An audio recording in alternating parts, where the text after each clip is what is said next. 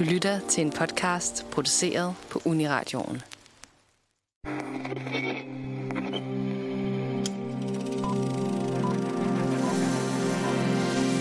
Hvornår stopper man egentlig med at være teenager?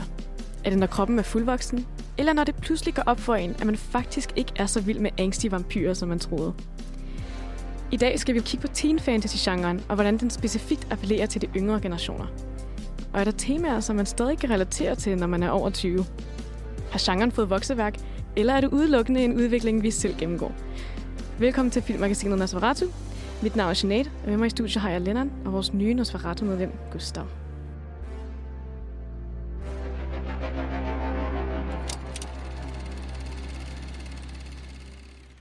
I dag så er jeg i studiet med, som sagt, Lennon og Gustav. Hej med jer. Hej, hej. Sådan der. Okay, så, så, så, så virker det hele. Uh, det er i orden. Nej, men jeg, jeg, jeg, er også, uh, jeg, jeg er også ny her, så... Uh, der skulle gå et eller andet ja, galt. selvfølgelig. Ja, så har vi fået det af vejen. Ja, yes. det, var, det var der Gustav. Ja. Ja, jamen øh, i dag så skal vi jo snakke om Harry Potter og Twilight som genredefinerende film inden for, øh, for genren ungdomsfantasy. Og det vil vi gøre ved at komme ind på nogle af de mest kendte trupper, vi plejer at se. Hvad vil I sige var, var ting, som der var gentagende i de her fantasy? Um, jeg, vil, jeg, vil, jeg vil sige, at den grundlæggende øh, ting, der definerer ungdomsfantasy, det er, at det er specifikt uh, skrevet til uh, unge, uh, og handler oftest om uh, unge. Øhm, um, al, al, al resten, det er en række trupper og figurer, der er blevet populariseret og leget med i, i, i løbet af årene. Men altså, så længe de ting gælder, så vil jeg sige, at ja, det er teen fantasy, det er ungdomsfantasy. Og det adskiller den for eksempel fra øh, sådan noget mere voksen fantasy, som selvfølgelig sådan øh, Ringenes Herre, eller, eller børnebøger, som, øh, jeg, jeg vil sige, Narnia er lidt på grænsen, men, men øh, de er ofte set som børnebøger. Det er sådan noget som Alice i Eventyrland. Mm. Øh, det kan godt være, at der er noget coming of age i det, men det er, de er ikke specifikt lavet til øh, unge, du ved, sådan 12 til 18 øh, alderen, og det drejer sig ikke om specifikt ting, som unge øh, relaterer sig til. Mm. Ja, det er jo tit den der coming of age, øhm, måske lidt en, en spejling i puberteten, og at de skal vokse op i, øh, i en ny, skræmmende verden, som så her bliver, bliver set som noget, de så magisk eller overnaturligt. Så det er jo også øh, noget mange unge, jeg tror det er vigtigt, at unge kan, kan relatere sig til, til de figurer og til, og til det univers, som, som, de, som de skaber. Ja, derfor er det også sådan, jeg synes ofte, at, at hovedpersonen er lidt en outsider. De, er, de føler sig lidt specielle, eller som om, at oh, I'm not like other people, actually. Yeah. for, for, I'm not like other girls. ja, den type. Præcis. Um, som gør dem tilgængelige for, for måske de unge, der føler sig lidt som en outsider. Fordi når man er ung og man er teenager, kan man hurtigt føle sig lidt akavet, og det store frygt er jo, at man er anderledes. Så det at kunne se en teenage fantasy film og se, at hovedpersonen er dem, som er anderledes, som er som er lidt den her ja, quirky type, det kan måske være betryggende for mange. Ja, præcis. Og øh, det, det, det er nemlig det der med øhm, så, sådan noget øh, teen fantasy. Det er rigtig, rigtig ofte, så er det den type fantasy, hvor øh, vi har den virkelige verden, og så har vi en hemmelig parallel verden, som har en magien. Og det er ligesom meget der, at, sådan, at fantasien ligger. At man kan forestille sig, at man er øh, man, er, man er ung i den her virkelige verden, og det er lige begyndt at gå op for en, hvor, sådan, hvor kedelig den føles, og mm. hvordan, man føl, hvordan man føler, at man ikke rigtig passer ind, og man føler selv, hvis man passede ind, så vil det ikke rigtig være så meget ved den.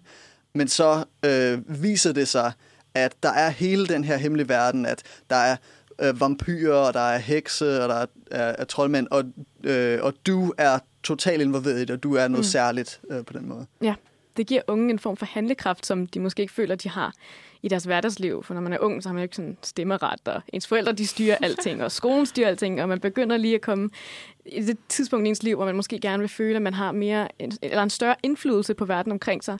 Og så er det jo fedt igen at kunne se de her film, og se, okay, de er den udvalgte, og det er faktisk dem, som hele verdens skæbne øh, står til, i stedet for en eller anden voksen, eller en eller anden borgmester, eller statsminister, eller et eller andet.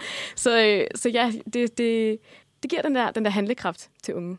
Det er jo også, øh, nu hvor du nævner forældre, det er jo, der er, jeg synes, der tit er noget med, med forældrene, med for eksempel Harry Potter, at hans øh, forældre er afdøde, og han bor hos de andre øh, voksne forbilleder, som ikke er forbilleder på nogen måde. Mm. Øh, så der er tit det her med, med en manglende øh, en manglende støttende voksen, eller, eller voksne, som, som ikke måske er, er, som de unge havde forestillet sig. Ikke? Men det er jo også det, der giver dem mulighed for at kunne agere på egen hånd. Altså, sikkert. Præcis, at de ikke har de her forældre, der holder dem tilbage og bestemmer over dem. Men ja, så, øh, så er der også den her truppen med, at, at hovedpersonen oftest ikke er opmærksom på deres egne evner eller deres egen kapacitet. Som for eksempel, at de er utroligt tiltrækkende, eller at de har de her magiske kræfter. Hvilket igen afspejler ungens tankegang virkelig, altså det er i hvert fald noget, som unge måske gerne vil tænke, at de har. Altså, at de, de har en egenskab, de ikke selv er bevidste om, men som andre ser i dem. Øh, fordi at man igen som ung kan være meget kritisk på sig selv. Og, og, selvkritisk, ja. ja. selvkritisk, ja. Og, og så på en eller anden måde at se, at, at det er der også andre, der er, men de er stadig sådan lækre, eller de er stadig uh, powerful. Det er jo sådan... det, det tror jeg er en egenskab, som er tiltagende for mange unge. Så er der jo også det, at, at det oftest bygger på bøger. Så der er mange af de her teen fantasy-film og franchises, som allerede har en, en ret stor fangruppe eller et publikum, som de snakker direkte til, hvilket, hvilket jo kan være et plus øh, for mange af de her film, vi skal til at gennemgå. Men har I andre øh, trupper, I lige vil komme ind på? Uh, jeg, jeg, jeg, jeg tror, jeg, vi glemmer at nævne, at siden det også er ungdomsbøger, så er der rigtig ofte romance. Altså, Ja. det er rigtig Ja. ofte, så altså, du, øh, tror du, du nævnte, at sådan, åh, man er ikke klar over, hvor tiltrækkende man selv Mm. er, ikke? Og så, Det, det Kommer- er faktisk tit sådan nogle kærlighedstrækanter, ikke? åh oh, ja, ja, Ja. den, øh, den klassiske, øh, hvad hedder det, øh, Edward, Bella og Jacob, altså det er, det, ej, det, det er u- ueksemplet, og øh, den øh, skal vi nok komme, øh, komme lidt i dybden på. Men det her var i hvert fald lige for at give en form for definition, eller på en eller anden måde indsnævre, hvad det er, vi kommer til at snakke om ved de her film. Og så på en eller anden måde forberede jer på, hvorfor det er, at de her film er vigtige for unge. Har I selv et øh, specielt forhold til ungdoms-fantasy-genren? Hvad dig, Gustav? Harry Potter informativ tekst for mig. altså, jeg, jeg, mener, det er øh, en, af de serier, jeg har læst flest gange. Øh, det var de, første engelske bøger, jeg læste, og nu øh, om stunder, så læser jeg hovedsageligt engelsk litteratur. Øhm, og ja, den øh, betød rigtig meget for mig, øh, og det- den har haft en stor effekt på mine, mine interesser senere. Jeg ved ikke rigtig, om der er nogle sådan nyere Mm. young adult ting, der virkelig har fanget mig øh, på, øh, på, på, på samme måde. Og selvfølgelig så er Harry Potter ikke nøjagtig young adult, måske de senere bøger. Mm, Men altså, med mindre at sådan anime tæller, fordi der er rigeligt med, med serier der, der, øh, der også tager lidt den, øh, den vinkel på noget overnaturligt som slags metafor for øh, ungdommen. Helt sikkert. Jo, øh, jeg står her og har læst tre Harry Potter-bøger øh, i alt. Øh, jeg har læst Mass Fiction, hvis det tæller. Men, Nå, det gør det. Jo, øh, jo, det gør det. Jo, altså det er jo, ja, jeg har lidt mere afslappet forhold til, til Harry Potter og til Twilight. Jeg er jo en stor fan af, af The Craft, som jeg også kommer til at snakke om senere, så det er nok den, jeg mest øh, har et forhold til. Men det var ikke sådan sent, jeg kom ind i den genre, må jeg ærligt indrømme. Jeg har et forhold til Harry Potter, men det er meget i, med, at, at jeg ikke ved alting, at jeg bare vælger at tro på, hvad der sker i fanfiction. Og så tænker jeg ikke på så meget andet, øhm, fordi fuck J.K. Rowling. øhm, men jo, jeg er sådan lidt afslappet med det. Hvad med Ja. dig, Jeanette? Jeg tror, det er en ting, som jeg kigger meget nostalgisk tilbage på. Ikke, ikke dem alle sammen, fordi at der, der er helt klart også en, en kæmpe bølge af de her øh, teen fantasy-film, hvor jeg bare var sådan, nej tak, og så aldrig nogensinde har fået set. Men dem, jeg har set, og som jeg har sådan set i den alder, der var, der var tiltænkt, øh, dem har jeg et, øh, et meget nostalgisk forhold til. Øh, ikke super stærkt lige nu, men men, godt men, du er en af dem, der er glad for, Ja. at øh, Robert Pattinson virker, viser sig at være en fantastisk skuespiller, som stadig kan være glad for ham. ja, Det kan vi alle sammen være, ikke? jeg klarer ikke over at se mere til dem, vil jeg bare sige. Men øhm, da jeg sådan researchede den her genre lidt, så, så lagde jeg mærke til, at der var mange, der måske kritiserede den lidt for at være et marketingploy. Altså, at det var en, en nem indtjeningskilde, fordi at, unge er publikummet, og at de skulle være lettere at overtale til at se en film. Øh, film er let at producere. Unge, de bruger deres forældres penge, så de, har måske, de overvejer måske ikke så meget om, om, om kvaliteten af det værd. Hvad synes I om det? Altså, jeg synes... Mm, jeg er måske lidt kritisk af den, af den holdning, øh, fordi jeg længe har oplevet det med, at samfundet har det med at, at være så let til at have alt, hvad unge piger godt kan lide. Så på den måde, så, så synes jeg, det er sådan lidt bullshit. Øhm, jeg synes sagtens, at unge mennesker, øh, teenager, kan være et kritisk publikum, og at, at, at, at noget kan øh, er elsket af unge piger, fordi det tit er det tilfælde, betyder nødvendigvis ikke, at det, at det er dårligt, øh, vil jeg sige. Øh, ikke at jeg synes, Twilight er øh, et litterært mesterværk, men, øh, men det er i hvert fald det, den holdning, jeg har. Øh, jeg, jeg vil sige, det kommer lidt uh, ind på den, den samme diskussion, der har lidt har været omkring superhelte, nemlig at de er generelt ikke det mest, uh, mest udfordrende, mest banebrydende, uh, mest den kunstnerisk værdifulde uh, værker, men de er stadig vigtige, fordi de er formative for rigtig mange unge. Ikke? Og, og altså, jeg, personligt så ved jeg ikke rigtig, om uh, Harry Potter stadig har det, det den plads i mit liv, den gang havde, for eksempel. Uh, lig, ligesom uh, med dig og Twilight Sinead.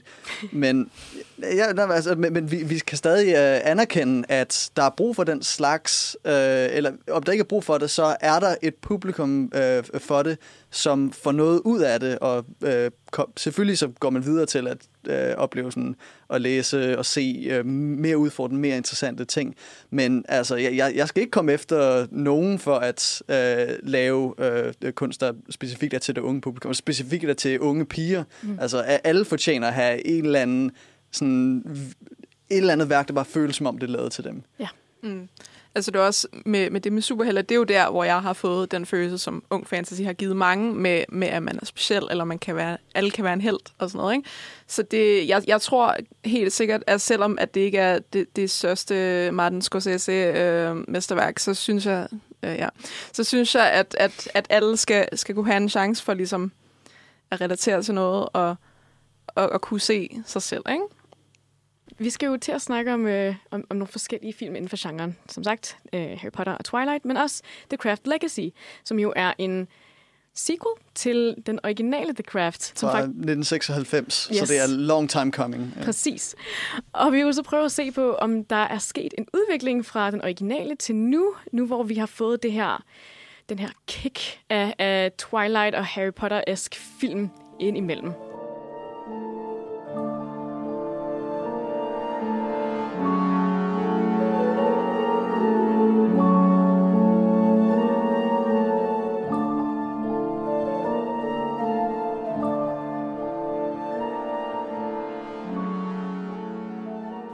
Øh, vi, vi begynder øh, samtalen med Harry Potter som en af de store formative øh, øh, tekster for øh, ungdoms- øh, og faktisk også lidt børnefantasy øh, genren i, i nullerne. Der, der er i hvert fald øh, inspireret rigtig mange værker og øh, var, en, var en del af ligesom, den eksplosion, vi så øh, i løbet af øh, nullerne og øh, starttierne, både i, inden for ungdomsfantasy og for ungdomslitteratur i det hele taget. Det interessante ved Harry Potter i den her diskussion, øh, det er, hvordan de første sådan to-tre bøger, altså stadig sådan børnebøger, i hvert, i hvert fald de første par stykker, altså de havde lov til at være uhyggelige, men det, handlede, men det var meget sådan en børnefantasi om at, sådan, at blive taget, uh, taget væk til et magisk sted, der var bedre end den lortebarndom, man havde, og man fik en masse magiske venner, og der var en masse mysterier, og lærerne var mærkelige og sådan noget. um, men sådan, i løbet af serien, så vokser Harry jo op. Altså, vi følger ham fra, han er øh, 11 år gammel til øh, han er øh, 17.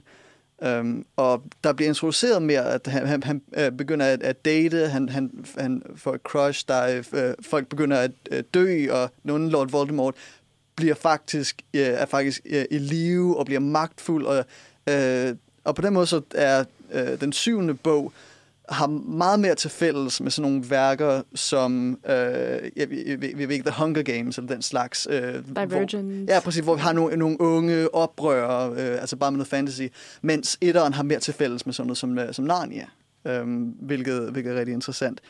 Øh, men øh, vi, har, vi har nemlig en af de her øh, kendetegn, nemlig er, at den magiske parallelverden, som, øh, som er holdt hemmelig, fra øh, den almindelige, kedelige verden, som er nederne være i. Øh, og fantasien om at blive ligesom, øh, taget væk der og få et, øh, og ikke bare få et bedre liv, men at være speciel, at være noget særligt. Øh, det, det er dog mere kompliceret, fordi den øh, problematiserer lidt den der chosen one for, øh, fortælling, men øh, det, er, det er en dybere øh, diskussion, øh, vi, vi ikke behøver her. En anden ting, som var meget, øh, som, som den ligesom øh, lag, lag grundstenene for, var øh, fandom. Ikke? Øh, den, en meget, meget dedikeret øh, øh, fanbase, som dykkede dybt ned i, øh, øh, i historien øh, og i den lore, der var bag det, men også øh, lavede deres egne ting. Altså øh, ikke bare strikkede deres egne øh, Slytherin-halskæder. Øh, nej, halsstørklæder nok, ikke, ikke halsklæder, øh, halskæder. Det er en anden ting at lave det, man, man strikker ikke halskæder. Øh, men også øh, selvfølgelig fanfiction, som øh, du også nævnt tidligere, øh, Lennon, ne- nemlig at, øh, at tage sine, sine egne øh, f- fantasier omkring den her verden, omkring de her karakterer, og ligesom øh, øh, flette det ind og, og, og sætte sit eget mærke på den her fantasiverden. Øh, og det er en meget stor ting i øh, i- især i ungdomsfantasy, øh, fantasy, netop fordi den øh, appellerer så stærkt til, øh, øh til den her personlige fantasi, man har, så man kan ligesom justere den. Jeg, jeg synes også, en egenskab er det her med, at alt er muligt. Du kunne... Altså, jeg, jeg ved i hvert fald, at jeg selv blev gjort opmærksom på Harry Potter og så film og sådan noget, før jeg blev 11. Og det er sådan, der er mulighed for, at alle kan modtage det der brev. Altså, det, Det... Ja, alle venter på brevet fra Hogwarts. Præcis, du- Selvom man bor i Danmark. Ja, præcis. Altså, sådan, øh, til forskel fra andre film, så altså, selvfølgelig man ikke øh, the chosen one i samme forstand, som man the, the boy who survived, men du kan stadig blive udvalgt til at være en del af det her univers ved at få et, et brev til bare Hogwarts. Altså, det er nok til, at du kan blive lidt speciel. Det, det gør det tilgængeligt for, for virkelig mange unge, vil jeg sige. Når, øh, når, når vi kommer ind på det her med den personlige fantasi og fanfiction, øh, øh, der har vi et andet interessant kendetegn, nemlig øh, der er en stor øh, LGBT-tilstedeværelse øh, i, øh, i Harry Potter-fandommen. Altså, jeg, jeg tror sådan, det mest suverænt de mest populære øh, fanfiction-kategorier, det er øh, slashfics, det er øh, romantiske fortællinger med, øh, hvad hedder det, folk af, af, af samme køn, ikke? Øh, homoseksuelle par. Øhm, og, og, og, og, og selvfølgelig så øh, er der øh, homoseksuelle læsere, der øh, skriver fanfiction, hvor de sætter, så sætter deres egne oplevelser øh, Mm. ind i det. Og det, det, det, har, det har ligesom været en del af, øh, af øh, genren i øh, rigtig lang tid. Øhm, selv hvis øh, selve øh, værkerne ikke rigtig direkte anerkender det, som øh, J.K. Rowling jo øh, blev ganske berygtet for hendes, øh, øh, først for hendes øh, problematiske, oh, by the way, Dumbledore var homoseksuel hele tiden, men jeg glemte bare at skrive det ind i bøgerne. Mm-hmm. Øh, og så selvfølgelig hendes, øh, hendes ny, mere nyere, øh, det, hammer øh, sindssygt transfobiske øh, turn. Altså, Ja. det er, det, det er noget værd noget. Um, Men så er det jo der, hvor universet er tilgængeligt nok til, at, at, at unge kan gå ind og, og lave deres egen version af det, og tilpasse den på den måde, de vil. Jeg tror også helt sikkert, at når der er sådan en, en mangel øh, af LGBT i universet, øh, jeg ved ikke, om der er andre, hun har skrevet, at de lige pludselig er homoseksuelle, men øh, bortset fra Dumbledore, men Er det ikke øh, Newt? Er han ikke også et eller andet? Øhm, altså, det, det, Scamander i de altså, nye film. altså Ja. det tror jeg, men jeg ved ikke, om det er rigtigt. Jeg ved ikke, om det er øhm, Nej, nej. det. Men, øh, men jeg tror, når der er en mangel i sådan et stort univers, så, så, altså, så, så er der nogen, der gør det. Det er også, du ved, at, at man ser et univers som ung, og man er sådan, det er et, et univers, hvor det er mening, at, at, man kan, at det er meget med coming of age og puberteten, hvor man også finder ud af sin seksualitet og sin, sin kønsidentitet. Og så er alle her er heteroseksuelle, øh, og der, det, det er der ikke, altså det er sådan lidt lol, ikke? Øhm, jeg tror også, at, at den har fået, at Harry Potter har fået virkelig sådan stor, en, en stor effekt på kulturen på en anden måde end, for eksempel, end, øh, end mange andre, fordi det der med Hogwarts huse, at det snakker alle om, selv hvis de ikke har set Harry Potter, så har jeg taget en test om, hvilket hu- hus er ja, det er det nye stjernetegn. Shout out til Slytherin. Øh, øhm, så virkelig, altså, jeg, jeg vil nok, altså, de, jeg tror, det er en af de største, der er sådan, er i forhold til popkulturen, fordi der er i den der med husene, og Mm. hvor meget man ligesom går ud over det værk, der allerede er. Ja, det er, det er lidt sjovt, hvordan, øhm, som du siger det, så kan man lidt se det her med, at man opdager magien i sig, øh, og man opdager, at man er anderledes. Altså, der er øh, rigtig mange øh, LGBT-folk, der øh, oplever det på en meget virkelig øh, måde, øh, som, altså selvfølgelig så alle, i, der går- i puberteten, oplever et eller andet den stil, men det er meget mere markant øh, på den måde øhm, for LGBT-folk, så derfor er det jo meget naturligt, at man øh, ligesom øh, læner sig mod den her mm. type af fortælling. Og det er også noget, som øh, The Craft, og særligt The, Craft Legacy også øh, Mm. går ind på. Øh, nemlig det der med forskelligheden og, øh, og trolddom som en slags fantasi af, at der, er- at der er noget særligt og noget godt i at være anderledes på den måde.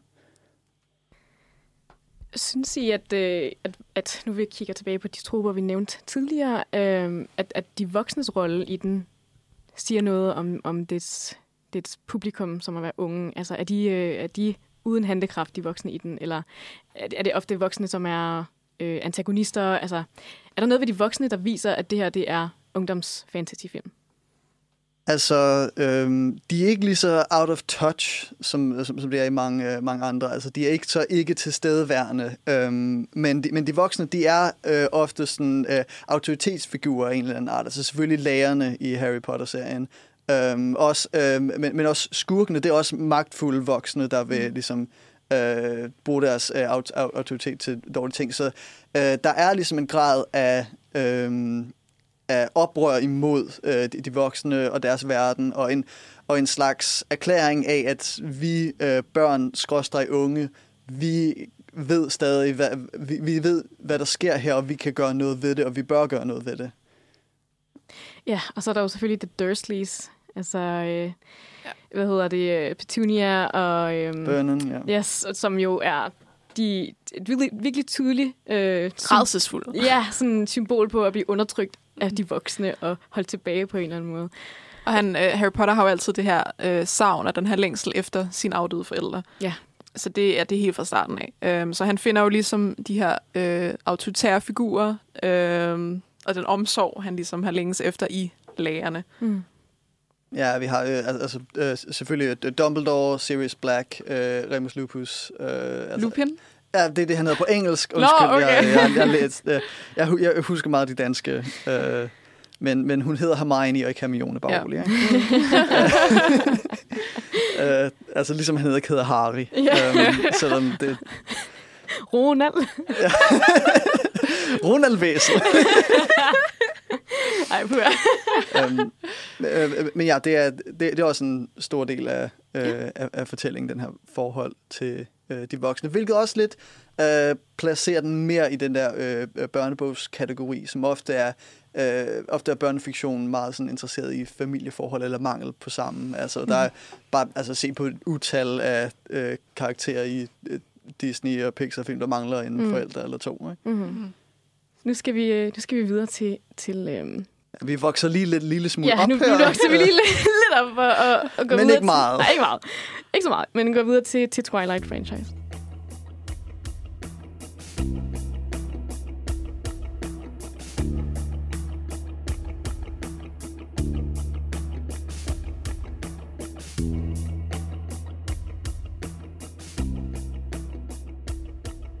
er vi jo uh, kommet til Twilight, der udkom i 2008. Så det er været syv år efter den første Harry Potter-film. Der sker rigtig meget. Øhm, jeg vil ikke gå så meget i detaljer om, hvad Twilight handler om, for jeg har det som om, vi alle sammen har en meget god idé. Det er den her meget almindelige pige, der hedder Bella Swan, som er 17 år, og som lige er flyttet til Forks. Øhm, og hun er den nye pige i byen og på skolen, og ja, der er hun jo lidt en outsider, fordi at de andre er meget, meget interesserede i, hvad hun går og laver, men hun, hun synes ikke selv, hun virker særlig spændende, og har lidt svært ved at, at mingle med de andre, indtil hun bliver introduceret for, øh, for den her mystiske Cullen-familie, som jo så viser sig at være vampyrer. Ja, som kun dukker op, når der, når der er skyet, og som, er, som, er, som er sådan blege, og ikke virker til, at nogen sådan, rigtig blive syge. Eller meget mystisk. Ældes, og... Det er meget mystisk, altså. Ja, ja, ja. Øhm, og det er igen øh, en franchise, som er baseret på en bogserie, Twilight, øh, skrevet af Stephanie Meyer. Og som i forvejen også havde sin egen, sin egen lille fanskar. Intet i forhold til det, som det så eventuelt ville, øh, ville blive. Og, øh, og Twilight, det, det er jo lidt et lidt ældre publikum, vi øh, har gang i her. Som sagt, så er Bella, hun er 17, og filmene de foregår omkring fra hun er 17 til 19 cirka. Ja, og det, og, det er en, og det er en romance, det er meget specifikt en sådan, øh, om liderlige teenager, ja. der, der ikke må være med hinanden. Ja. Bortset fra den ene af dem ikke er teenager. Men bare, bare, bare for, undskyld, fortsæt. der er mange ligheder. Øhm, måske er han stadig teenager, det vil jeg lige komme ind på senere. Men øh, der er i hvert fald mange ligheder med, med Harry Potter, med det her med coming of age, og, og det her, den her meget mystiske, magiske verden, som der lige pludselig bliver åbnet op for en, øhm, og som man på en eller anden måde er den udvalgte til at blive introduceret for. Men det er så her, vi får et lille hint af horror, og et større fokus på, som sagt, romancen imellem de forskellige karakterer.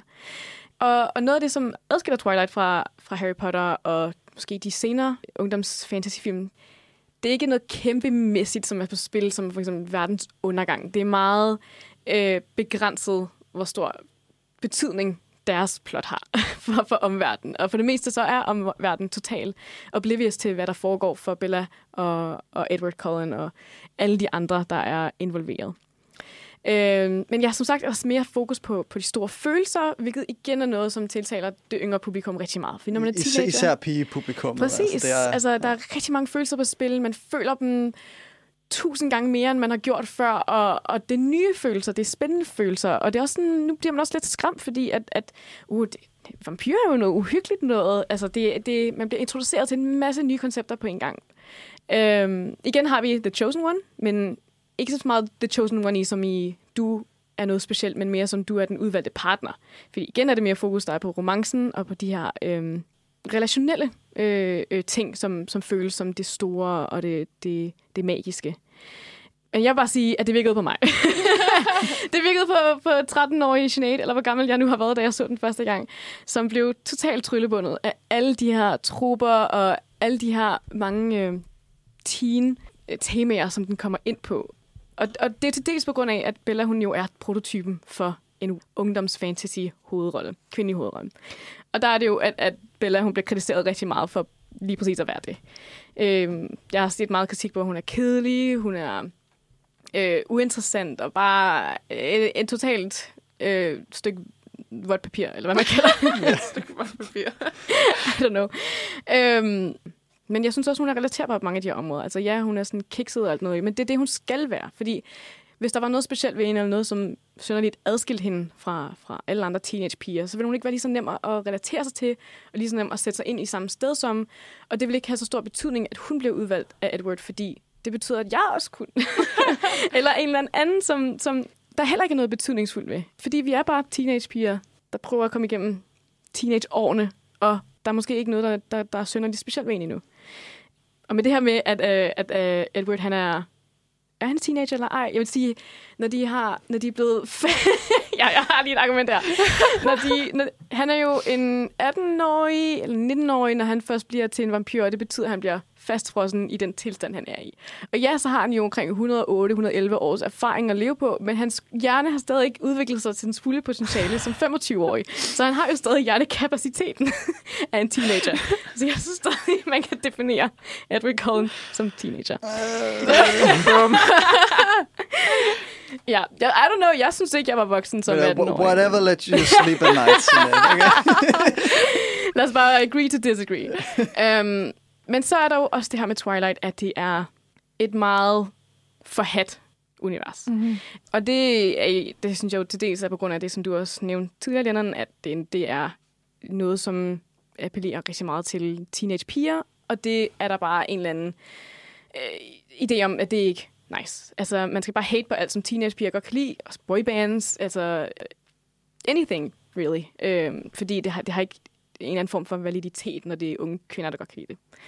Og så, nu hvor vi snakker om, at publikum jo er teenager og sådan noget, så synes jeg også, det er lige interessant at nævne, at med Twilight, så har det jo ikke kun fået en kæmpe stor teenage fan skar. Der er også Twi-moms, som på en eller anden måde... oh, er det det, man kalder dem? ja, det er. Som, øh, det var min mor faktisk, det, det nævner vi. Som faktisk kan se noget i den her franchise og tænke, hey, det her det er ikke kun til teenager. Det er også noget for mig, jeg, ved, jeg synes er virkelig interessant, nu hvor vi snakker om teen fantasy-genren, om hvordan den er specielt designet til at blive til, til unge kvinder. Så, så er der også kvaliteter, som, som øh, mødre godt kan lide. Hvordan har I det med Twilight? Altså, jeg, jeg, jeg kan nemlig huske noget, som, som du også nævnte, altså, fordi jeg var jo en meget ung teenage gut, da, da, da filmene virkelig var populære. Så jeg var jo ret, ret meget ombord på den der, hold da kæft, hvor det her noget lort. Altså, fordi, altså, altså ikke, ikke, ikke bare, altså, jeg vil forsvare, at, det ikke, at kritikken ikke udelukkende kom ud af, at det var, øh, at, at det var piger. Der er sådan alvorlige mm, problemer mm, mm. med Twilight. Ikke bare med den aldersforskel, ja. men også meget af dens øh, sexual politics og øh, den, den, den hovedperson, som måske har nogle skjulte dybder, men er lidt endimensionel uheldigvis og sådan noget. Men det, men det er ikke der, at den der had kom fra. Mm. Ikke? Altså der, fordi der var virkelig en masse had. Jeg kan huske, at, sådan, at, at da det gjorde for mig, der var nogen, der påpegede, at, at, at ligesom sideløbende med, at uh, Twilight var det dummeste nogensinde for, for piger, så var Transformers-filmene kæmpe, kæmpe succeser mm. i biograferne. Mm-hmm. Og ligesom var en men, men Transformers-filmene var en punchline omkring, hvor dumme Hollywood blockbuster var blevet. Det var ikke en punchline om, hvor kæmpe nogle idioter teenage-dreng er, for, mm. at gå ind og, for at gå ind og se dem og kunne lide dem så godt, og om hvordan øh, Sam Witwicky, som hovedpersonen, Charles LeBoff, der er, er bare en super sindssygt problematisk hovedperson, selvom han er det. Øh, mens Twilight, det blev en eller anden diskussion om, hvor hammer dårligt den var for teenagepiger, hvordan de ikke vidste bedre og sådan noget. Altså, altså jeg, jeg vil sige, i forhold til, til det med Bella, med, med karakteren, jeg, jeg, jeg måtte faktisk ikke se dem, da jeg var i den og, øh, Så jeg så dem først øh, for et par år siden, hvor jeg ligesom, nu, nu har jeg lidt mere øh, kritisk tilgang til ting. Øh, og i forhold til, til, til hendes karakter, for jeg kan jo se, at hun er meget sådan en, en blank figur, man ligesom skulle relatere til. Men jeg synes også, der, der er igen noget problematisk i forhold til, at det virker som om hele hendes liv afhænger af mænd. og det er måske ikke lige så måske ikke så godt for, for tiden, vi er i nu. Øh, det var heller ikke godt dengang, men altså, du ved. Så jeg, altså, jeg er helt klart, altså, jeg er tilhænger, eller jeg er enig i, i meget af kritikken, som ikke går på, at det er bare dumt, fordi piger kan lide det. Jamen, jeg, er helt, altså, jeg er helt enig med jer. Der er 100% kritikpunkter. Øhm, jeg synes bare, det, at man godt kan sådan tillade sig eller elske ting, der har fejl og mangler. Fordi Totalt. Der er, stadig, altså, der er stadig værdi i det, og som du også siger, du gjorde med Harry Potter, så kan man tage fra det, hvad man vil. Og det andet, altså så længe det ikke er I don't know, øh, nazistisk propaganda, så kan man jo bare lade, lade andre folk om det, fordi jeg synes bare, at, at den er i den genre, den er, og den har den, den lethed på en eller anden måde af at være en, en ungdomsfilm, der gør, at den, det kan tillade sig til at have de her fejl og mangler. Men ja, den, den øh, impact, som jeg synes Twilight virkelig har haft, kan ses i Fifty Shades of Grey. Fordi her, der tager man det samme koncept og den samme, den samme verden på en eller anden måde. Nøjagtigt den samme verden. altså, den var baseret på en fanfiction, ja, men, uh, som var lidt omskrevet. Og så er det på en eller anden måde lidt symbolsk, at man tager magien ud af det og gør det til en voksen ting hvis I forstår, hvad jeg mener. At, ja. at det, at der var magi i, det var en ungdomsting, og nu er det samme princip, bare uden magi. Og derfor er det til voksne. Hvad, hvad, Ja, jeg, jeg, jeg synes, det er nemlig meget interessant, hvordan, øh, når, når, man, når man skal lave en... Øh, det, det var jo en alternate universe øh, fanfiction, så, så, så det var i forvejen sådan taget væk fra magi, men det var stadig sådan Edward Cullen og øh, hvad hedder det, Bella, Bella Swan, der, ja. øh, der, der var hovedfigurerne. Men, det var, men øh, hvordan meget af sådan den der romantiske fantasi, og, og, og det der sådan lidt, lidt skræmmende, lidt, lidt frække mm. ved, ved, ved Twilight, øhm, det var nemlig den der magtforhold, ikke, med mm. at han var...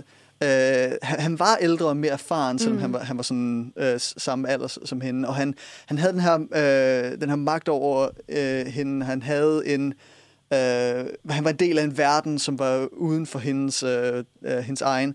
Og den oversætter det til en milliardær og en, og en almindelig kvinde. Ikke? Mm. Fordi det er lidt det samme uh, magtforhold. Mm. Ikke? Så, så på en måde, så uh, altså, vampyrer har altid handlet et eller andet sted om, uh, om, om den her uh, overklasse, der, mm. uh, der ligesom absorberer uh, uh, folks, øh, folks liv, altså under, underklassens liv.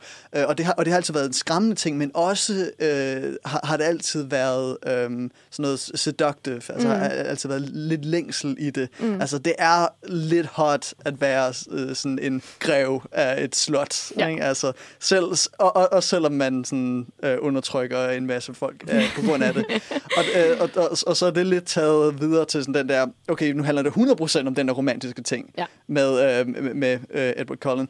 Og så er det blevet full circle tilbage mm. til bare at være en rig mand. Ja. Det synes jeg er ret interessant. Og det er jo her lidt det her, øh, at vi går lidt fra, at noget bliver udelukkende teen, til det bliver young adult, altså en YA. Fordi at det blur de her linjer mellem at være teenager og være voksen, hvor at lige det passer ind. Det kan måske passe begge sider, som vi kan se på de her Twi-moms. Altså, det bliver lidt mere ambivalent, hvem det er, målgruppen er. Men, men har I et anderledes forhold til Twilight nu, end da den udkom? Altså, jeg så den jo ikke, så, så jeg har kun det forhold, jeg har til den nu, ja. og det, det er jo nok det, det bliver. Ikke? Altså, det, er sådan, det er ikke noget, jeg opsøger, og jeg lader, lader fansene være i fred, fordi det er, hvad det er. Men mm. jeg er ikke bange for at, at sige, at jeg måske ikke synes, at, at det er noget litterært mesterværk igen. Øh, og der er helt klart nogle, nogle problematikker, som, som jeg ikke synes er, er særlig nice. Ja, som sagt, så øh, var en af de der øh, unge knægte, der hated på det, fordi det var populært at hate på det. Um, jeg har taget en chill pill siden da. det, jeg, jeg er helt cool med, øh, med, med, med Nice. folk, der er øh, at, at Twilight-fans, eller, eller særligt sådan ex-Twilight-fans, der Mm. sådan selv og- også kan grine lidt af det, som øh, Sinead, det virker Ja. til at være nøjagtig en bes- beskrivelse af Præcis. dig der, selvom, ja, se, selvom altså, jeg stadig ikke synes, at det er min yndlings. Jeg vil dog sige, øhm, i den sidste film, hvad er det, Breaking Dawn Part 2, øhm, Exactly, det er. Ja, ja, ja, der er en scene i den, som ikke var i bøgerne, Ja. øh, ved jeg. Jeg har ikke læst bøgerne, men jeg har set filmen, øh, som er en af de sejeste fucking Ja. superhelte action scener med utallige hoveder, der ruller. Yes. Som bare er det fucking cooleste Ja, nogensinde. Og hvordan pokker fik de det? Der, det er så vildt. ja. Den, den, den, vil jeg, den vil jeg sådan måske... Den kunne jeg godt finde på at se. yes. Um, jeg, jeg, har, jeg tror, jeg har det sådan, at, øh, at jeg, jeg vil sige, jeg, jeg er størst fan af etteren nu. At de andre, dem er sådan, Uh, dem ser jeg lidt bort fra. Fordi det blev lidt for meget. Um, men havde den været udkommet i år, så tror jeg overhovedet ikke, den havde haft samme effekt på mig. Fordi den ramte mig lige i den alder, hvor jeg var lidt ængstig og tænkte, at det er mig det der. Det er mig, der er den der outsider.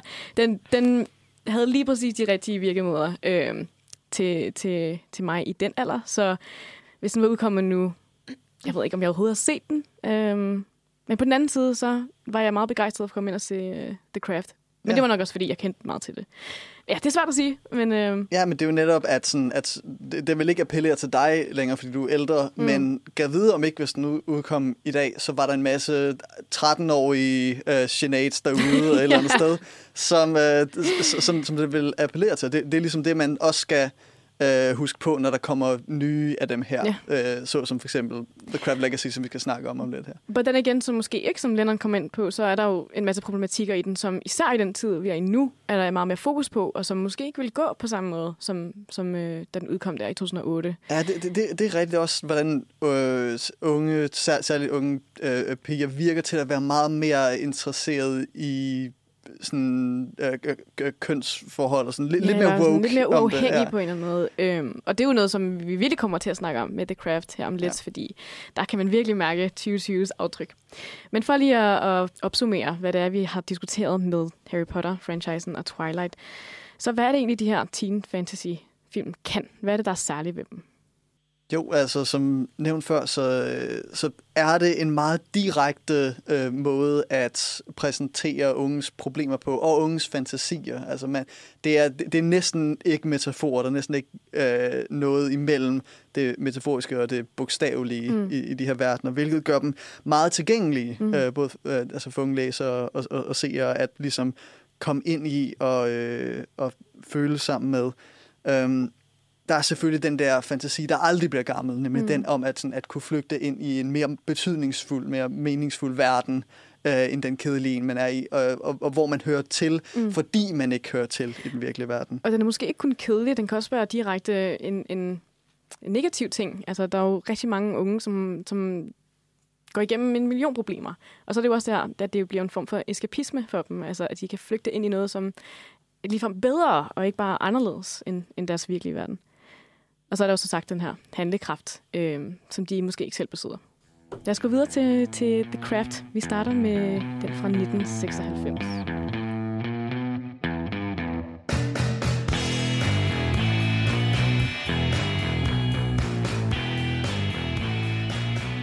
Nu skal vi snakke om den sidste nævnte film, uh, The Craft.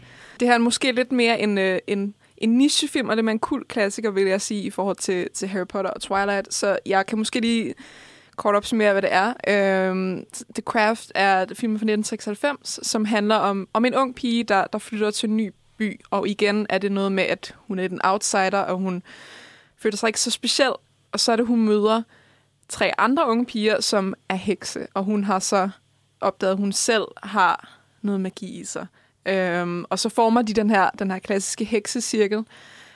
Og det, det, det, The Craft spiller meget på, er sådan, vil jeg sige, er sådan kvindevenskab, som vi også kommer ind, som, som både er i, en, en spændende rolle i den her, og i, øh, i den nye sequel fra 2020.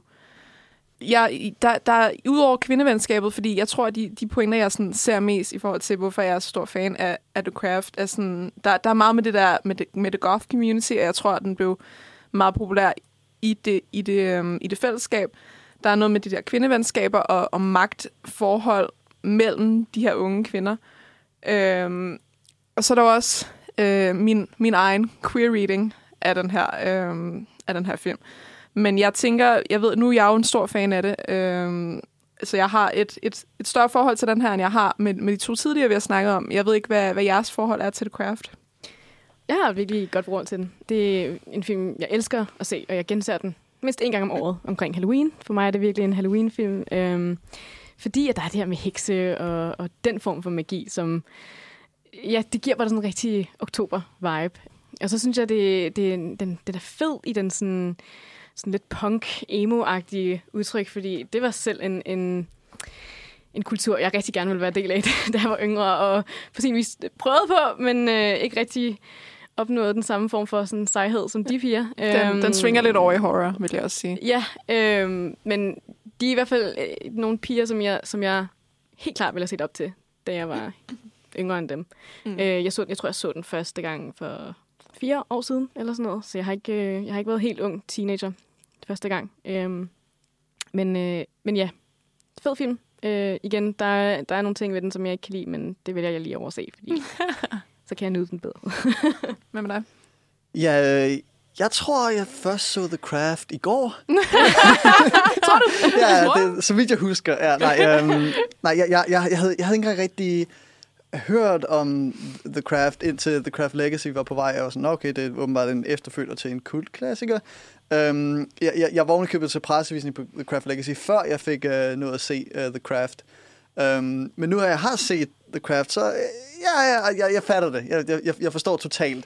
Fordi altså, på den ene side, altså, det er en ganske middelmodig affære, sådan et stykke filmskaberi, øh, med en ganske sådan forvirrende, sådan tematisk forvirrende slutning. øh, og, og, og, nogle, og super sindssygt datet, er du vimmer.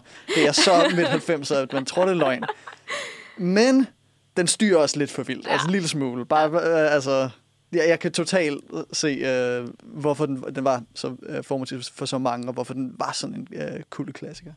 Jeg også lige tilføje, at jeg tror, at det, der virkelig øh, appellerer til mig ved den, er, at den er meget sådan, æstetisk stærk. Altså, den har virkelig en stil, ikke nok i deres sådan, 90'er tøj, men også sådan, i den tone, der er i filmen, øh, som gør, at jeg kan vende tilbage til den hele tiden, fordi det, det, det er noget, jeg nogle gange opsøger. En bestemt stemning eller sådan noget, som for eksempel en oktoberstemning. Øh, så synes jeg, at det, det ligger den virkelig stærkt i.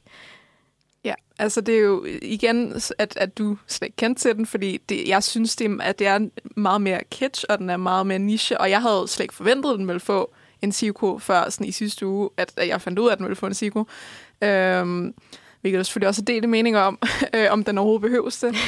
øhm, men, men altså, det, det, det der, som jeg sagde før, det jeg synes, der er, er meget interessant i den her, i forhold til for eksempel Twilight, som jeg, jeg sagde jo var lidt øh, en pige, der afhænger af en masse mænd. Øhm, det her handler om, om kvindevenskab mellem de her, de her fire hekse, og så i høj grad, hvordan deres venskab splittes ad. Og det er jo måske der, hvor, hvor, jeg, øh, hvor jeg elsker den her film, samtidig med, at jeg er lidt irriteret på den, fordi... Øh, jeg, men jeg kan ikke rigtig sige, at det er en spoiler, når den er fra 1990'erne. Lad os bare sige, at, at de her hekse, de, de ikke lever lykkeligt alle sammen sammen. Øhm, og det er en grund til, at jeg har et lidt underligt forhold til den, fordi jeg føler, at, at det måske ikke er den måde, jeg synes, at kvindevenskab skulle repræsenteres. Og den, at det, det er ikke... Altså selvfølgelig, der, der er splidighed i alle venskaber, og det, jeg elsker magtintriger og sådan noget.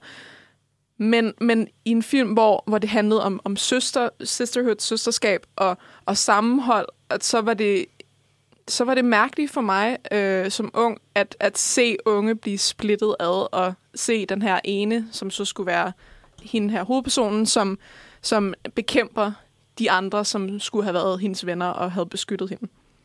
Men det er jo sådan overordnet set meget sjældent, at man i film ser kvinder være gode venner, mm-hmm. uden der er en eller anden form for rivalry. Altså, de bliver ja. meget ofte sat op med hinanden, hvilket jo er virkelig uheldigt at se. Og sådan... Altså, det, det, det kommer lidt an på genre. Altså, jeg, jeg vil sige, der er rigeligt med komedier, øh, med kvindecentriske komedier. Rigelig, der er, bare, men, der er virkelig meget på et stærkt øh, centralt øh, venskab, som der er noget splid i, men som de kommer igennem, og det er ligesom det, det der konflikten ligger. Altså. Jeg yeah. tror bare, jeg har oplevet det meget med, med, med, måske, eller ikke meget, men jeg har oplevet den der med genre før med, med, det, med Shadowhunters, øh, og Ja. hvad, hvad er det nu, bøgerne hedder? Undskyld, jeg har ikke læst bøgerne. Øh, Ved I hvad? Den er skrevet af Cassandra Clare, det er det, jeg ved. øhm, ja, øhm, den her bog, der er der også øh, igen en hovedperson, som kommer ind i en ny verden. Og den eneste anden kvinde, som der er, øhm, er hun, bliver hun ikke venner med, og hun hader hende faktisk, fordi hun er pænere end hende. Og det synes jeg er noget, der, der lidt går igen med den her med kvindevenskaber, der ikke... Altså, at, at, kvinderne, kvinde, den, hoved, den centrale kvinde, hun er speciel, fordi hun ikke kan lide andre kvinder, fordi hun hellere vil være sammen med mænd. Og det synes jeg i høj grad, er, altså det, det synes jeg virkelig ikke fungerer. Øhm, og den gør det ikke på samme måde, The Craft, men den, men den splitter nogle kvinder ad, som man igen havde håbet, at, at det er en heksecirkel, at det var noget, der handlede om sammenhold. mm. Øhm, men det er også det igen, det, der gør den interessant, fordi den har de her magtspil mellem øh, specielt hovedpersonen og, øh, og den anden, som hedder Nancy. Mm. Um, jeg, jeg kan totalt se, hvordan det er, øh, altså det er en super bummer, når man, øh, når man endelig har sådan den øh, øh, rigtig god, øh, god, god eksempel på øh, øh, sisterhood, sådan et øh, fundet øh, familie af øh, øh pigevenner, som så ender med at være sådan øh, skurkehelte. Men, det, men det er, er det ikke også et eller andet sted sådan at, at, at ønske, at filmen var en anden, end den var? Fordi jeg synes nemlig, at det er faktisk noget af det, jeg synes var virkelig øh, fedt ved den, var faktisk, hvordan den dykkede ned. Altså, den ved nøjagtigt, hvad den handler om. Fordi det, den handler om, det er ikke bare sådan, ej, hvor er det fedt at have heksevenner, øh, som kan løse sine problemer. Det handler om, hvordan... Øh, øh, hvordan der er gode og dårlige måder at håndtere sine problemer på, og hvordan de her, øh, de, de her piger, de ender med øh, at enable hinanden til at være, øh, være destruktive og selvdestruktive i den måde, de, øh, de, de, de ligesom håndterer det på. Øh, og det er sådan en meget virkelig øh, øh, øh, ting, og det, og det er en meget ægte øh, stykke, sådan, stykke horror, som man godt kan opleve i sit eget liv, når det viser sig, at de folk, der er tætte på en, øh, ikke er lige så gode, som de virkede, eller, fa- eller faktisk viser sig at være et større problem end de problemer, du føler, øh, de løste. Jeg synes, de der scener, hvor det langsomt går op for øh, en hovedpersonen, at der, der, der er noget galt, og det her det er faktisk ikke godt at være omkring dem her, og jeg skal væk, men man kan ikke rigtig komme væk. Det, det synes jeg er en virkelig ægte stykke, øh, stykke horror, som jeg ikke rigtig føler, at øh, sequelen The Craft øh, Legacy rigtig øh, erstatter med noget brugbart. Jamen det er jo også, altså, jeg synes helt klart det der med, med at de enabler hinanden, og med at, at, at alle de her piger, øhm, de, de har magien til at løse deres problemer så nemt, at de ender med at blive meget magtsyge, og de gerne vil have mere og mere og mere, indtil de måske gaber over for meget. Øhm, og det, det er også, igen, det er derfor, jeg, det er derfor, jeg elsker den. Så det, det er en meget sådan, jeg elsker den, ligesom Jeanette sagde, at jeg elsker noget på trods af dens fejl. Men ja, Ja, og altså, jeg, jeg, jeg, jeg vil også gerne lige sige, at den, den gør ikke de temaer øh, så godt, som den kunne have gjort, og især slutningen er virkelig nederen, fordi, øh, netop fordi, at den, den forkaster det her øh, øh, kvindelige venskab og præsenterer øh, den her øh, karakter, der faktisk er øh, en sympatisk, men øh, ligesom vildledt øh, øh, øh heks, der tager det, øh, tager det for langt, men som stadig sådan, kommer med oprigtige intentioner om at øh, at kæmpe mod de øh, folk, der undertrykker hende, og, øh, og sådan, at, at direkte abusive, ikke? og så bare, bare, bare siger, at Åh, hun er problemet. Ikke? Det, mm. det er ikke hende, der er problemet. Øh, altså, den kunne have sluttet på en meget bedre måde, men det virker også som om, at The Craft Legacy også er totalt enig i netop den øh, Mm, øh, mm, kritik. ja. Hvil, hvilket sådan, gav mig en bedre forståelse for, hvad The Craft Legacy gik efter, fordi igen, jeg havde set den før jeg så øh, den originale The Craft. Jeg vil dog sige, at The Craft Legacy ikke er nær så succesrig i det, den går efter, som The Craft er. Og det Ikonisk. siger egentlig ikke så lidt. Jeg synes også meget, at det, øh, det, det øh, er, er på grund af Nancy, øh, den karakter. Mm. Hun er så vild, og hun er så... Hvad så den hedder skuespillerinden? Jeg kan Øh, simpelthen øh, ikke huske det. Øhm, hun har lidt, lidt, lidt spøjs navn, men ja, det er... hun, Hun er ikonisk. Ja. Ja. Jeg ved ikke hvad hun hedder. hun, har, altså. øh, hun har altså bare sådan nogle virkelig stærke øh, hvad hedder det, replikker og sådan... Altså Hun har en stærk karisma. Ja, og Ja. hendes energi er sådan virkelig voldsom, og, og virkelig sådan, jeg følte bare, hver eneste gang hun var på skærmen, så tog hun bare alt, alt opmærksomheden, og mm. var bare, altså, ikke forførende, men, altså, men så- mesmerizing Åh, på en oh, eller anden måde. tro mig, hun er, hun er også forførende. altså, det, nej, nej, nej, så, altså, så, snart, så, så snart jeg så sådan et, et par scener med, med hende, så var jeg sådan, hold lige et øjeblik, den her film har sådan så meget mere personlighed allerede Ja. end The Craft Legacy. Ja, præcis, talt. Ja. præcis. Altså, det var også en af de punkter, som... Ko- som konge halloween kostume by the way. Ja, oh, ja. ja. 100%. Og, Det er altså, jeg elsker deres stil så meget. Mm. Altså, det er, det, det er så fedt. Også hvordan den udvikler sig i løbet af filmen. Ja. Altså, man, man har det tidspunkt, hvor de virkelig har omfavnet deres Ja. identitet som hekse, Præcis. og bare ejer det, og man kan totalt se, at sådan, Præcis. øh, hvordan, og jeg kan totalt forestille mig, hvordan sådan nogle øh, 14-årige piger, der tager ind i biffen og ser Ja. den her tilbage i Halloween 96, og bare er sådan, oh my god. Ja, jamen altså 100 procent, og jeg synes stadig, det er noget, man kan se nu i, at der er jo helt, der er jo hele den her fashion trend, der sådan, ikke trend, men sådan en fashion stil, der, sådan, der handler om at være alternativ og være sådan lidt off, og det er jo på en eller anden måde de piger her, som er forbilledet for det, og derfor jeg tror, at The Craft er begyndt at blive mere og mere populær. I hvert fald, jeg har set den være meget mere tilstedeværende på alle mulige online sider, fordi at deres stil på en eller anden måde er blevet øh, Ja, repurposed det- det- eller et det- eller til- andet. sådan- tilbage, det, altså, ja, ja. det, det er blevet tilbagekaldt på en eller anden måde, i samme stil som 90'erne er kommet på mode igen. Så er den her stil også. Og når vi kigger tilbage på de her trupper øhm, for, for ungdomsgenren, så er der jo det her med, at man skal skille sig lidt ud, og det, det, det synes jeg virkelig, at i Craft, at vi har de her fire piger, der gør det på hver deres måde. Altså, vi har en, der, der føler, at hendes udseende er noget, der gør for hende til at skille sig ud. Der er nogen, der føler, at hendes etnicitet, eller hvad man vil kalde det, for hende til at skille sig ud. Så der er Nancy, som er, jo har sin, sin øhm, hvad hedder det, deres, deres øh, økonomiske baggrund for hende til at skille sig ud. Og det, det er alle sammen forskellige områder, som, som man på en eller anden måde kan relatere sig til at være øh, the outsider. Og, og de får altså mulighed for at udvikle sig fra at være det, der identificerer dem, til måske at være nogle andre ting, der identificerer dem. Og, og vokser alle sammen øh, på en eller anden måde igennem filmen. Hvilket jeg synes er noget, som The Craft Legacy mangler.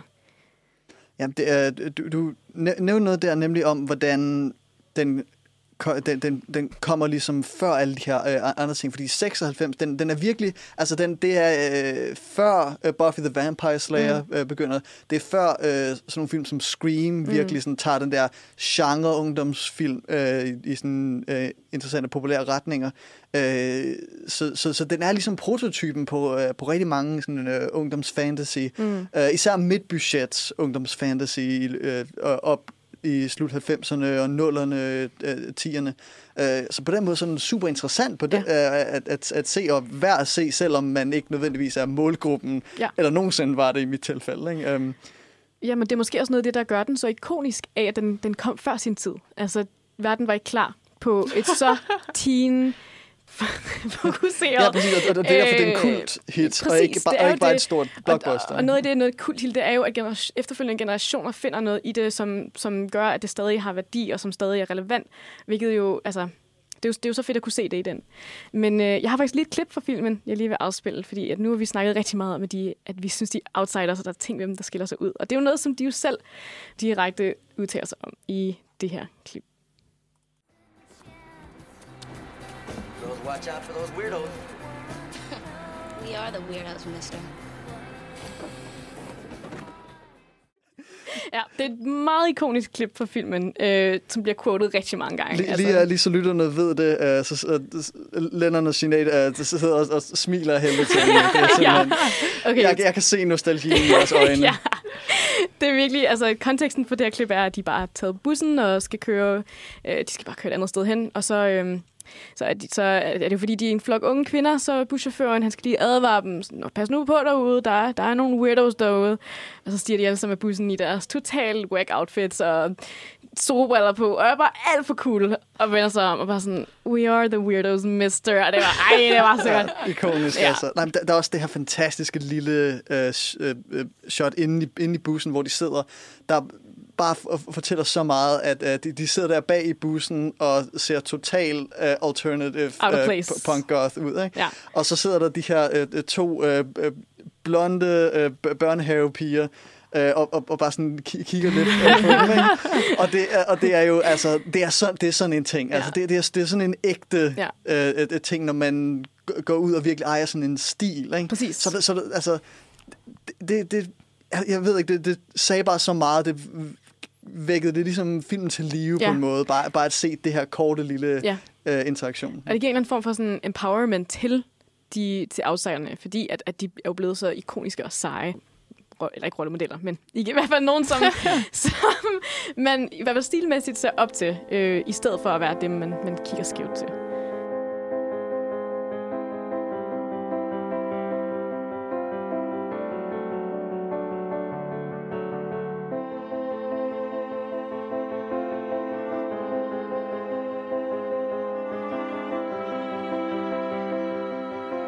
Og nu skal vi jo videre til, til sequel til den film, vi lige snakkede om før, uh, The Craft Legacy, som har biografpremiere i dag, uh, og som jeg har skrevet anmeldelse af også. Uh, vi kommer lidt ind på før, hvorfor den ikke er så god som den originale, og det, det klæder jeg mig også ind i, don't worry. Men jeg, jeg har lige smugkigget lidt på, på de andre anmeldelser, jeg vil sige, jeg, jeg er den mest positive derude. øhm, skud til Sound Venue, som gav den en stjerne. øhm, jeg gav den 4 6. Jeg, jeg synes, den, den kunne noget, som, som den originale ikke kunne, og det var det, jeg tidligere kom ind på, var det med kvindevenskabet, som jeg synes er udført på en anden måde end den originale. Øh, nu skal jeg passe på med ikke at spoile. Der er jo også den her ikoniske linje, som vi hørte lige før, som, som igen bliver nævnt i et afgørende øjeblik, som var fantastisk. Det bliver genbrugt. det bliver genbrugt. Ja. Øhm, Det er super jeg, jeg, det er super kikset, men det er så godt. Jeg synes, den hylder sin, sin forgænger på en virkelig dejlig måde. Og det er måske jeg er den eneste, der synes det. Øh, jeg synes, den hylder den på en, på en, på en måde, altså, hvor den, den, den øh, erkender, hvor meget den har givet til, altså hvor, meget, hvor stor en kulklassiker den er, men at den går dybere med nogle af de emner, som den originale måske ikke turer at gå så langt med. Og når man kigger på, at The Craft udkom i 1996, så kan man virkelig, virkelig mærke 2020's aftryk her på toren. Altså, det er ikke bare en copy-paste, selvom der er rigtig mange ting, der, der er ens, så, så kan man godt mærke, at det er en helt ny tid, der er blevet lavet i. Og det er nogle helt andre emner, som kommer på banen. Altså sådan noget som at være woke, som jo spiller en rigtig stor rolle i den her film. Ja, Ja, og være det- politisk korrekt og sådan noget. Ja, det, men, men de, de, tager, de tager jo nemlig den her... Øh, altså, der er ikke rigtig den samme scene for, sådan, for den der punk-goth øh, ja. øh, og, og musikhalløj. Så, så i, øh, i, Men i de har en Billie Eilish-poster i baggrunden. Ja, ja, helt, helt, lige præcis. Lige præcis. Altså, ja. i, I stedet så har de den her, øh, den her øh, ungdomlige, lidt, øh, lidt øh, genderqueer, lidt me- meget, øh, meget woke, meget om sådan, ja. øh, female empowerment øh, øh, øh, snak og øh, sådan øh, al- alternative øh, empowering Ja. øh, anthems i, i sådan noget R&B halløj som Bill Irish, øh, Mitski øh, og sådan noget. Mm. Til gengæld vil jeg sige, at, at den, øh, der stilmæssigt, altså, så skilte de sig ikke ligesom de her piger, de skilte sig ikke lige så meget ud, som de, de gjorde i den originale. Øhm, hvor det var meget tydeligt, at de var anderledes fra de andre piger, så synes jeg meget, at i den nye Legacy, så er der ikke noget visuelt i hvert fald, der gør, at de skal ses som outsiders. Altså, ja, de har, de har nogle forskellige ja, andre træk, der gør dem, det gør dem, men hvis man bare så dem på en skole et eller andet sted, så ville man ikke tænke, de der, de er hovedpersonerne nødvendigvis, fordi de, de har en stil, som er meget populær, meget ind, men som, som måske ikke... Net- Netop det, at det er ind og populært, gør, at de burde være, you know, normale Ja. piger, hvis I forstår, hvad jeg mener. Altså, det er ikke, det er ikke fordi, at man kigger skævt til dem, øh, nødvendigvis, ligesom man vil gøre i de originale. Helt sikkert. Altså, det er sådan... Det er jo også, at jeg, jeg synes, at, øh, at venskabet og forholdet er gjort meget bedre i den her, men til gengæld kan man tydeligt mærke, hvem der er hovedperson, fordi jeg synes, det er virkelig synd, at de tre andre hekse, øh, de bliver meget, altså, de bliver meget sat i baggrunden, ja. og jeg, det er svært at se, hvad de har af problemer og personlighed, de har ud over deres forhold mm. til den nye person. Mm. Øhm, Hvad snakker du om? En af dem er sort, og en af dem er transkønnet. Jamen, Er det ikke nok ja, for dig? Men, og det elskede jeg. Ja. Men, Det skal men bare jeg synes, der identitet. manglede, der manglede noget mere til deres identitet end, end det. Ja. Og jeg synes ikke, at, at de havde... Altså, for eksempel den, i den originale, der havde, øh, der havde en af dem den her... Den her øhm, hun blev mobbet af nogle af de hvide Mm. piger, fordi hun var, fordi hun var sort, mm. Og de altså, var totalt racistiske imod hende. Og der, der er ikke nogen af sådan, der er i hvert fald ikke sådan et emne, der bliver taget op i den her nye. Så jeg synes, jeg manglede noget, noget mere dybde i nogle af karaktererne. Øhm, Noget mere modgang. Noget mere der, modgang, Der er ja. en gang, hvor man mærker, at de ikke er ligesom de andre piger. Ja. Øh, vi har den her festscene, hvor at, øh, vores slæng, de kommer ind og laver en stor entré, men de det er egentlig ikke så sådan anderledes end andre. Ja, de har lidt mere farverigt tøj. Det var bare en scene, hvor at man virkelig skulle kunne mærke, at de ikke var ligesom de andre piger, at de var blevet set ned på de andre piger, og der var også lidt spydighed imellem kvinderne eller pigerne, men jeg synes bare ikke, det var nok til at vise, at de havde så meget modgang, ligesom de havde i den originale. mm. Og det, det er simpelthen hovedproblemet for mig med The Craft Legacy, det er konflikt. Der er ikke en konflikt i den her, øh, altså der, der, er ikke, der er ikke nogen dramatisk udvikling, der er et par dramatiske afsløringer. Øhm, det, hvad hedder det, hvor øh, the, oprindeligt The Craft, den, øh, som sagt før, drejer sig rigtig meget om den der interne øh, øh, øh, konflikt med at vil løse sine problemer, men at det bliver til noget, øh, noget destruktivt og selvdestruktivt, og hvordan det splitter dem ad. Og det, øh, og og det er der, konflikten kommer fra. Når man har besluttet sig for, og det er jo en færre beslutning at sige, okay, de her, det her venskab, det er stærkt, og det er ikke problematisk. Det er fedt, at de er sammen, og det er fedt, at de laver magi. Øhm, så skal man finde en konflikt andet sted. Mm. Og det gør den simpelthen ikke. Den, øh, den, den, øh, den leger konflikt. Altså, øh, vi har den her besværgelse, der bliver kastet øh, på øh, det her komplette sådan, og øh, super sexistiske røvhul, som de går i klasse med. Øh, hvad var det? Tim? Timmy. Ja, Timmy. Woke me!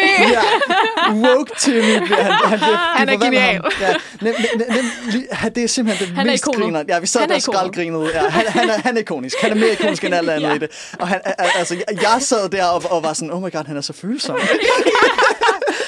Me more. de, de kaster Timmy. ham den besværgelse på, altså Ja. han bliver en gentleman, ikke? Ja. Præcis. Og så begynder han ja, og i altså- kontakt med sine følelser. Ja, og, og det er sådan, han virker meget gladere, når han er under den her besværgelse. Ja. Og det han, ligner det, min pointe er. Fordi Ja. min pointe er, at i den, i den originale, der bliver også kastet en besværgelse på en fyr, men det var fordi, han skal kunne lide mig. Ja.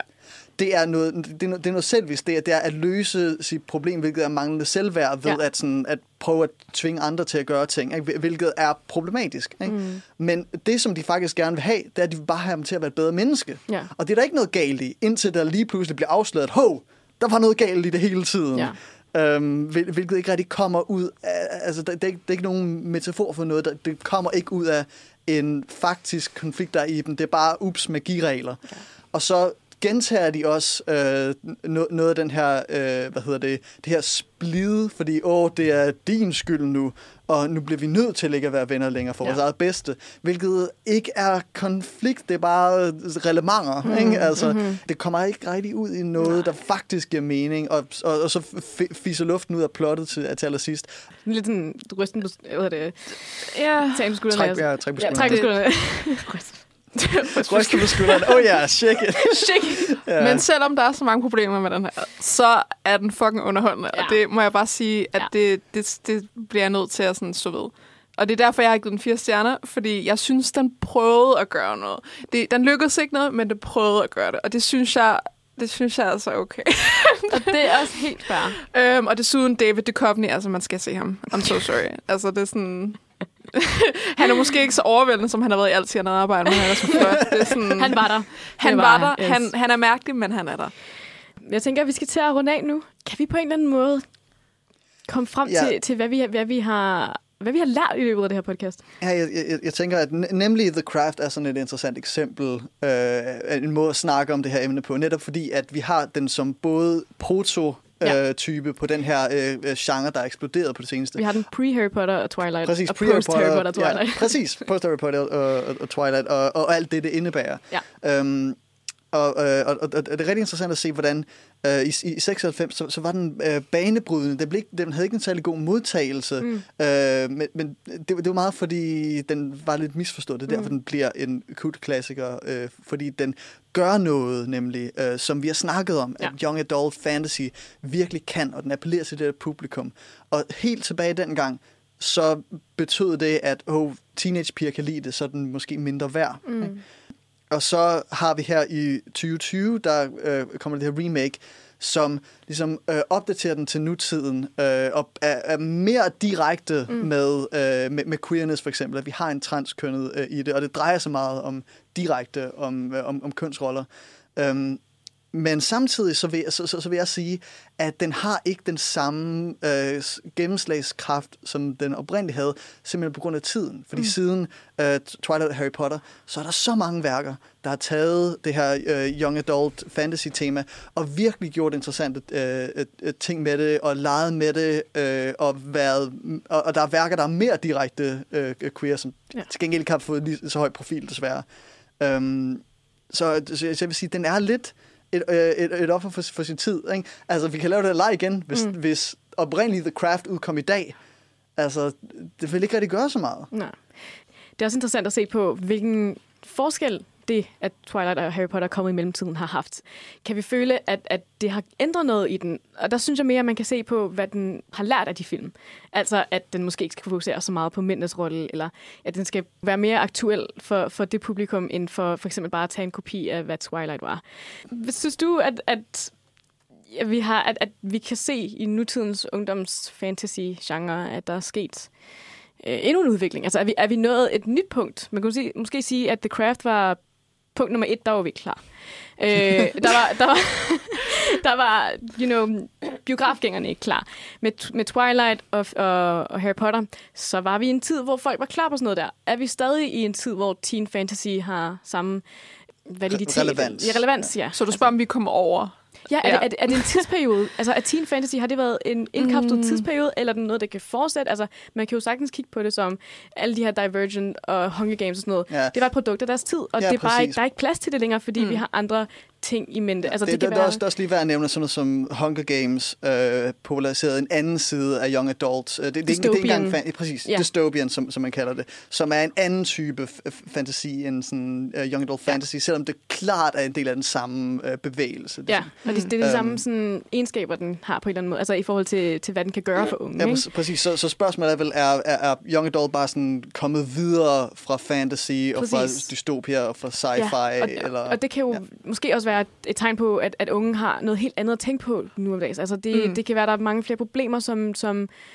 unge føler, at de skal være mere involveret i, end dengang vi var unge. Altså jeg følte, jeg følte i hvert fald ikke, at verdenssituationen havde så stor en impact på, på hvad, der var min, altså, hvad jeg var interesseret i dengang. Mens jeg føler, at ungdommen nu er meget mere sådan, aktivister, og de er meget mere woke.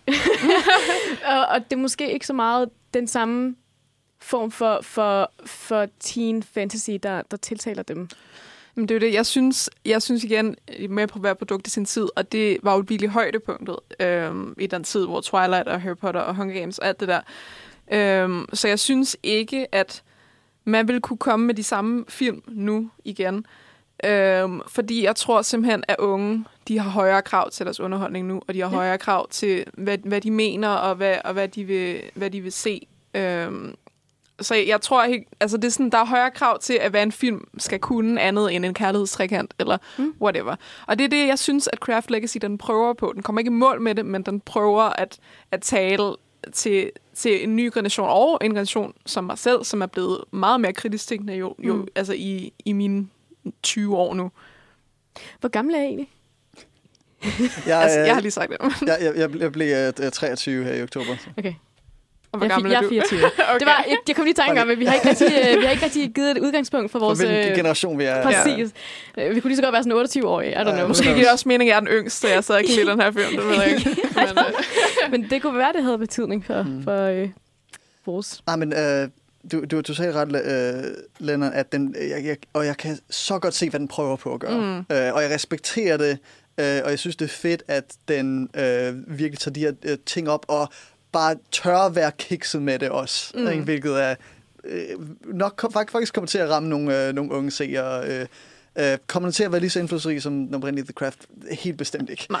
Øh, kom- kommer den til at, sådan, at, øh, at ramme nogle seere? Ja, det, det kan godt være. Men jeg, jeg, jeg vil sige, at jeg er mere interesseret, altså, nu bringer vi det lige en, øh, en cirkel tilbage.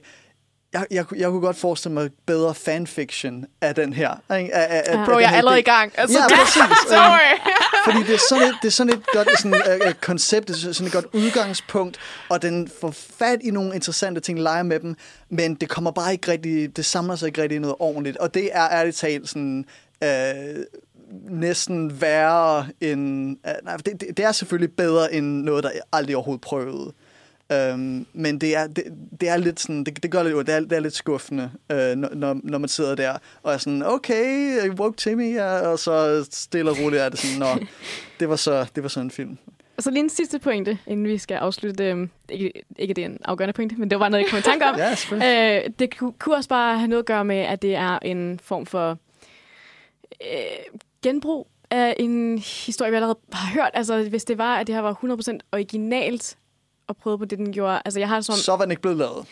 Det var men- sådan der. Jamen, det er bare sådan, jeg føler, at der, kan, at der, at der også er meget den kritik, som folk har på det, at de sammenligner det. Altså, det er ikke noget... Det er, ikke- det er jo ikke ligesom Twilight og Harry Potter, som kommer bare sådan en original historie på samme måde. Altså selvfølgelig har- det jo bøgerne og sådan noget, men det er jo ikke fordi, at de, de har deres eget fodfæste eller deres eget udgangspunkt. Den, den bygger på noget andet, øh, hvilket til dels kan gøre, at den ikke, you know, har samme effekt. Ja, men det, det, det, vil, det vil være helt fair at, at sige, okay, tag den, tag den fra dens egne præmisser, ikke?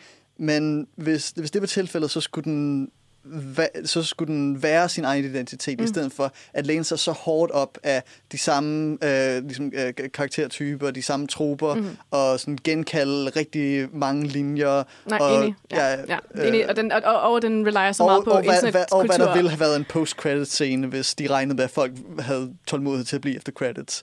Ja. Øhm, altså, Jamen, altså, jeg er enig, det, det, der er stadig rigtig mange ting, den ikke selv har. Altså, Ja, den, præcis. den læner sig på rigtig mange ting. Men, men på den, jeg kommer bare til at tænke på, at jeg godt kunne tænke mig at se noget, der var 100% originalt, og, og som var teen fantasy, og på at se, om, om det kunne kick, kickstarte en ny franchise, eller om det bare ville falde til jorden. Men det, er, det, altså, det har der også været de sidste par år. Jeg kan bare ikke lige komme i tanker om noget nu.